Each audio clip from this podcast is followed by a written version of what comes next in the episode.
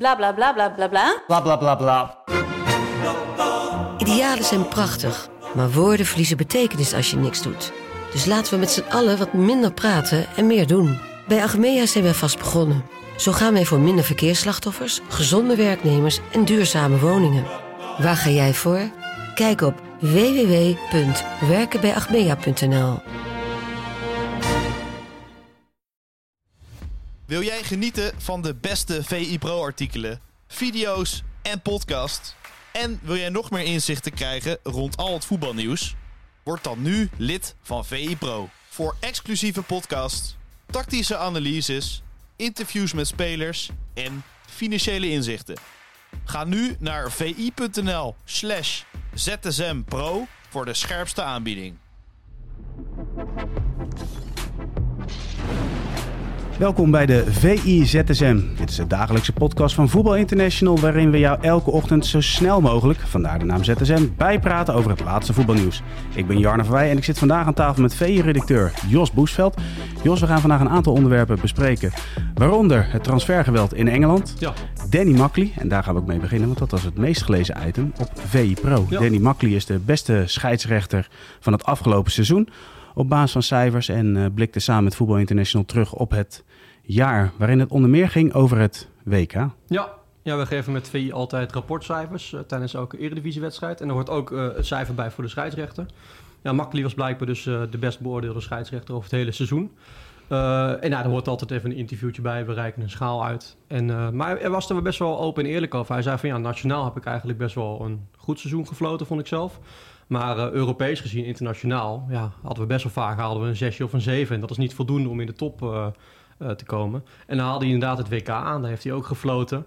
En wat mij vooral opviel in, in het interview wat eh, Chris Tempelman, onze collega met uh, Makkely had, eh, toch wel eh, dat hij toeschouwer was bij Nederland-Argentinië op het WK. En eh, dat ze na afloop hadden natuurlijk van balen, Oranje is uitgeschakeld. Maar ook van hey, dit is voor ons misschien wel een kans om eh, een finale of meer te fluiten, ja, een halve finale of meer te fluiten.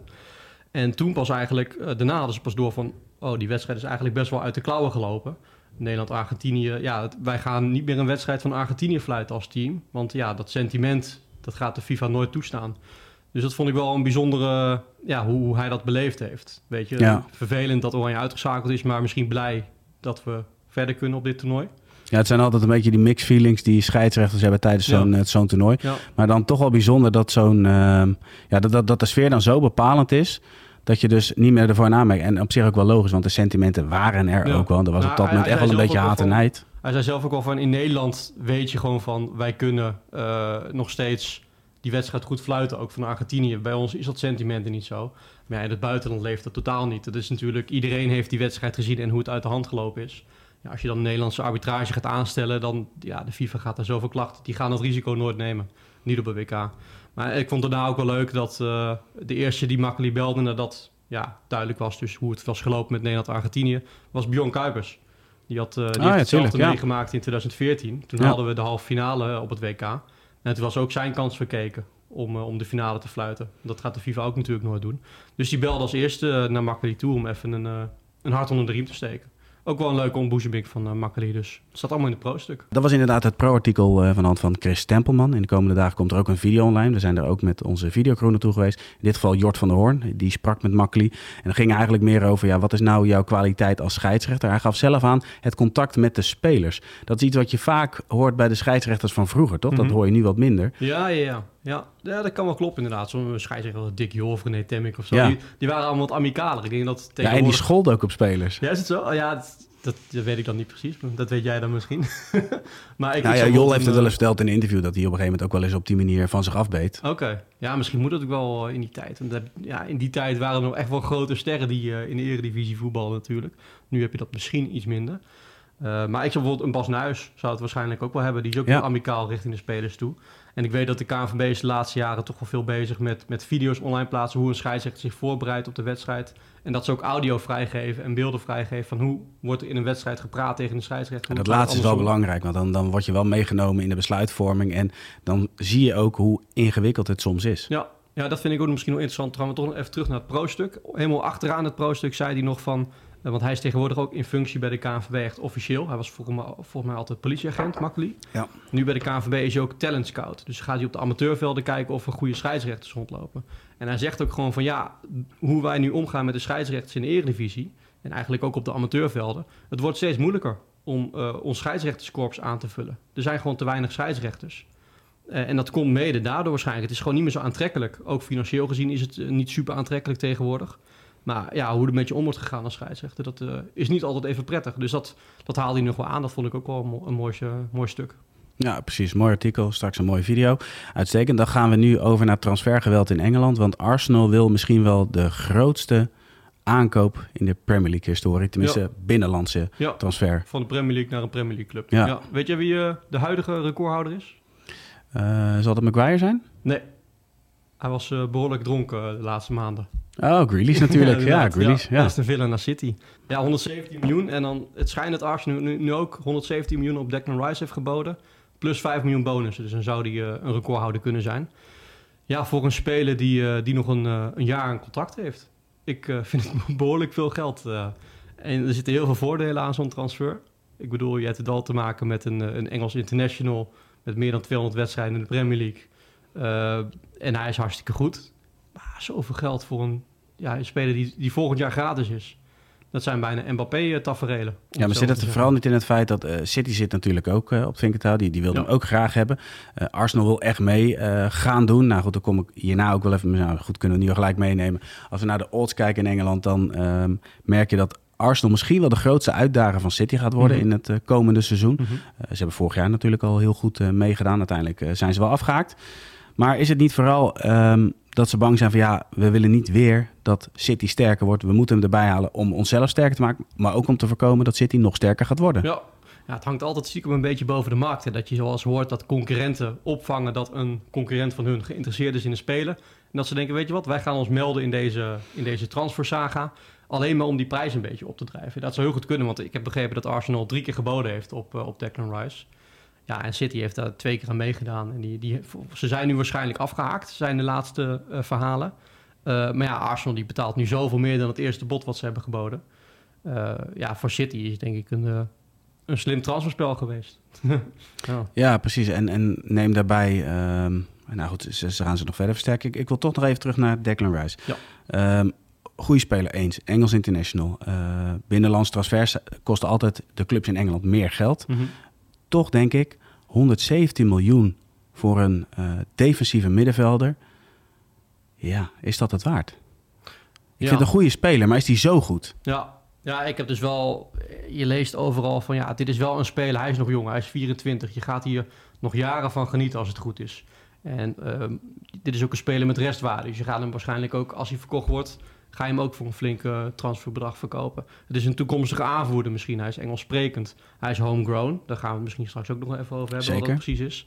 Um, maar zelfs als je dat allemaal nog opnoemt... vind ik 117 miljoen echt veel te veel. Kijk, en Arsenal is nu uh, verzekerd van Champions League uh, miljoenen... door de tweede plek die ze behaald hebben.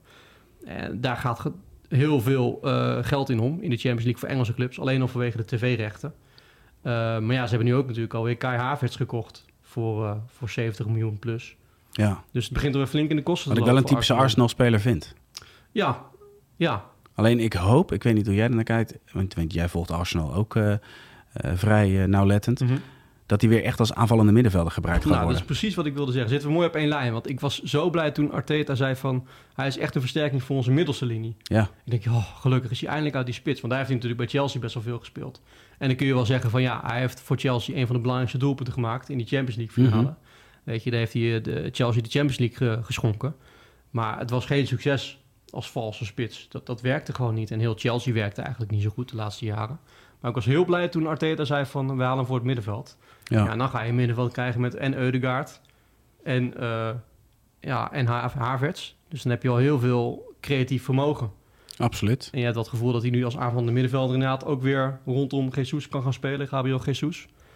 Ik uh, zie dat wel graag. Ja, en Declan Rice dan als uh, uh, ja, upgrade van Chaka. Ja, ja. Nou, dat klinkt helemaal goed. Ja.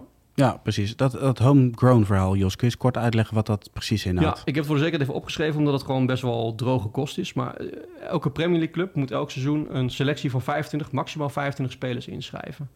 En eh, spelers onder de 21 die hoeven niet ingeschreven te worden, dus die vallen daar niet onder. Maar acht van die 25 spelers die moeten homegrown zijn.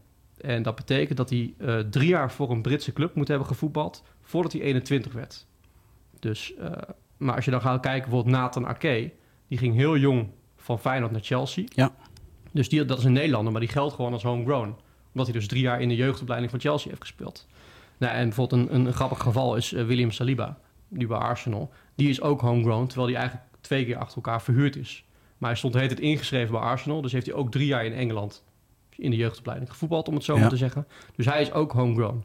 En, en wat gebeurt er nu als je dus niet acht homegrown spelers hebt? Ja. dan eh, mag je dus gewoon minder spelers inschrijven. Dus stel je voor, je hebt maar zeven spelers die hun jeugdopleiding in Engeland hebben beleefd. Dan mag je in plaats van 25, mag je maar 24 spelers inschrijven. Dus dat is wel, daarom wordt er dus ook gewoon extra geboden op Engelse spelers die homegrown zijn. Omdat het gewoon gigantisch bijdraagt aan je selectiemogelijkheden. Oké, Dus dat is ook een van de redenen. duidelijk verhaal. Eh, tot slot, Jos, eh, blijft het hierbij voor Arsenal of verwacht jij dat er nog meer bij gaat komen? Poeh. Laat ik het zo zeggen. Is het genoeg om echt de aanval te openen op Manchester City? Want dat ze vorig jaar zo lang mee hebben gedaan, dat, dat is... Nou, je kan niet anders zeggen dat dat heel knap is. Maar iedereen had toch wel het gevoel, tenminste ja, iedereen. Het gros zal toch wel het gevoel gehad hebben, wanneer gaat het fout? Ja. Want het Ja. verschil met City is gewoon groot. Ja, ja en weet je nog vervelend is? Ik dacht altijd van richting het einde van het seizoen... ja, maar je moet nog tegen City bijvoorbeeld. Dat dacht ik altijd. Ja. Nou, die wedstrijd heb je inderdaad verloren... maar inmiddels was het gat dusdanig groot dat je denkt... het zou zelfs kunnen als je nog verliest tegen City. Toen gingen ze gelijk spelen tegen allemaal clubs uit het rechterrijtje. Dus uiteindelijk zijn ze toch door de hoeven gezakt. Maar dat neem je ook weer mee naar dit seizoen. Dus stel je nou voor dat je het gewoon weer goed kan doen... is het enige wat je moet blijven hopen... is dat eh, Manchester City eh, foutjes gaat maken. Dus ook gewoon punten gaat verspelen. Ik, ik als Arsenal-fan zeg dat dan moet je hopen dat City foutjes moet maken. Eh, maar ik zie, ik zie het niet gebeuren. Ik denk dat gewoon Manchester City met deze selectie gewoon weer kampioen gaat worden. Ja, ik kan me ook niet voorstellen dat City geen kampioen wordt. Moet ik wel zeggen dat ik het wel weer leuk vind om naar Arsenal te kijken. Want, Mhm. want Arsenal heeft natuurlijk een periode gehad waarin ze geweldig voetbal op Highbury speelden. Ehm, daarna is er ook echt wel een periode geweest waarin het gewoon eh, niet leuk was. Ja. Ook niet leuk was om naar te kijken. Maar zoals vorig seizoen, als je, als je ziet hoe Arteta er een machine van gemaakt heeft, is Ja. wel echt een, een mooi elftal. En daarom ben ik wel heel nieuwsgierig naar Harvard straks in dat team. Ja, ja, dat eh, kan ik me goed voorstellen. Ja, je had inderdaad het, het boring Arsenal. En toen kwam Dennis Bergkamp. Ja, En die maakte er iets fantastisch van. En Wenger die zette dat allemaal mooi voort. En toen werd het de laatste jaren onder Wenger werd het weer heel saai. Nou, daarna kreeg je een paar eh, eh, managers die er heel kort waren. En nu krijgt Arteta krijgt echt de kans om er iets van te bouwen. En samen met Edu als, als directeur. En eh, ja, die hebben er wel iets moois neergezet. En het goede is dat ze dat bijvoorbeeld ook met een Saka doen. Dus eh, eh, echt een, een, een jeugdspeler die, die opgroeit. Ja, die ga je waarschijnlijk ook, mocht het een keer gebeuren, voor heel veel geld verkopen. Maar die gaat nu volgend seizoen ook weer absoluut schitteren. ja Allemaal precies. ervaringen erbij. En nu hebben ze dus ook een keer hoe het is om te spelen voor een titel. En om te falen. Ja, dat neem je ook mee in je, in je pakket richting het volgende seizoen. Dus er gaan mooie dingen gebeuren. Duidelijk. Jos. Dank voor je bijdrage in deze ZSM en eh, tot ZSM. Dankjewel. Wil jij genieten van de beste VI Pro artikelen, video's en podcast? En wil jij nog meer inzichten krijgen rond al het voetbalnieuws? Word dan nu lid van VI Pro. Voor exclusieve podcasts, tactische analyses, interviews met spelers en financiële inzichten. Ga nu naar vi.nl slash zsmpro voor de scherpste aanbieding.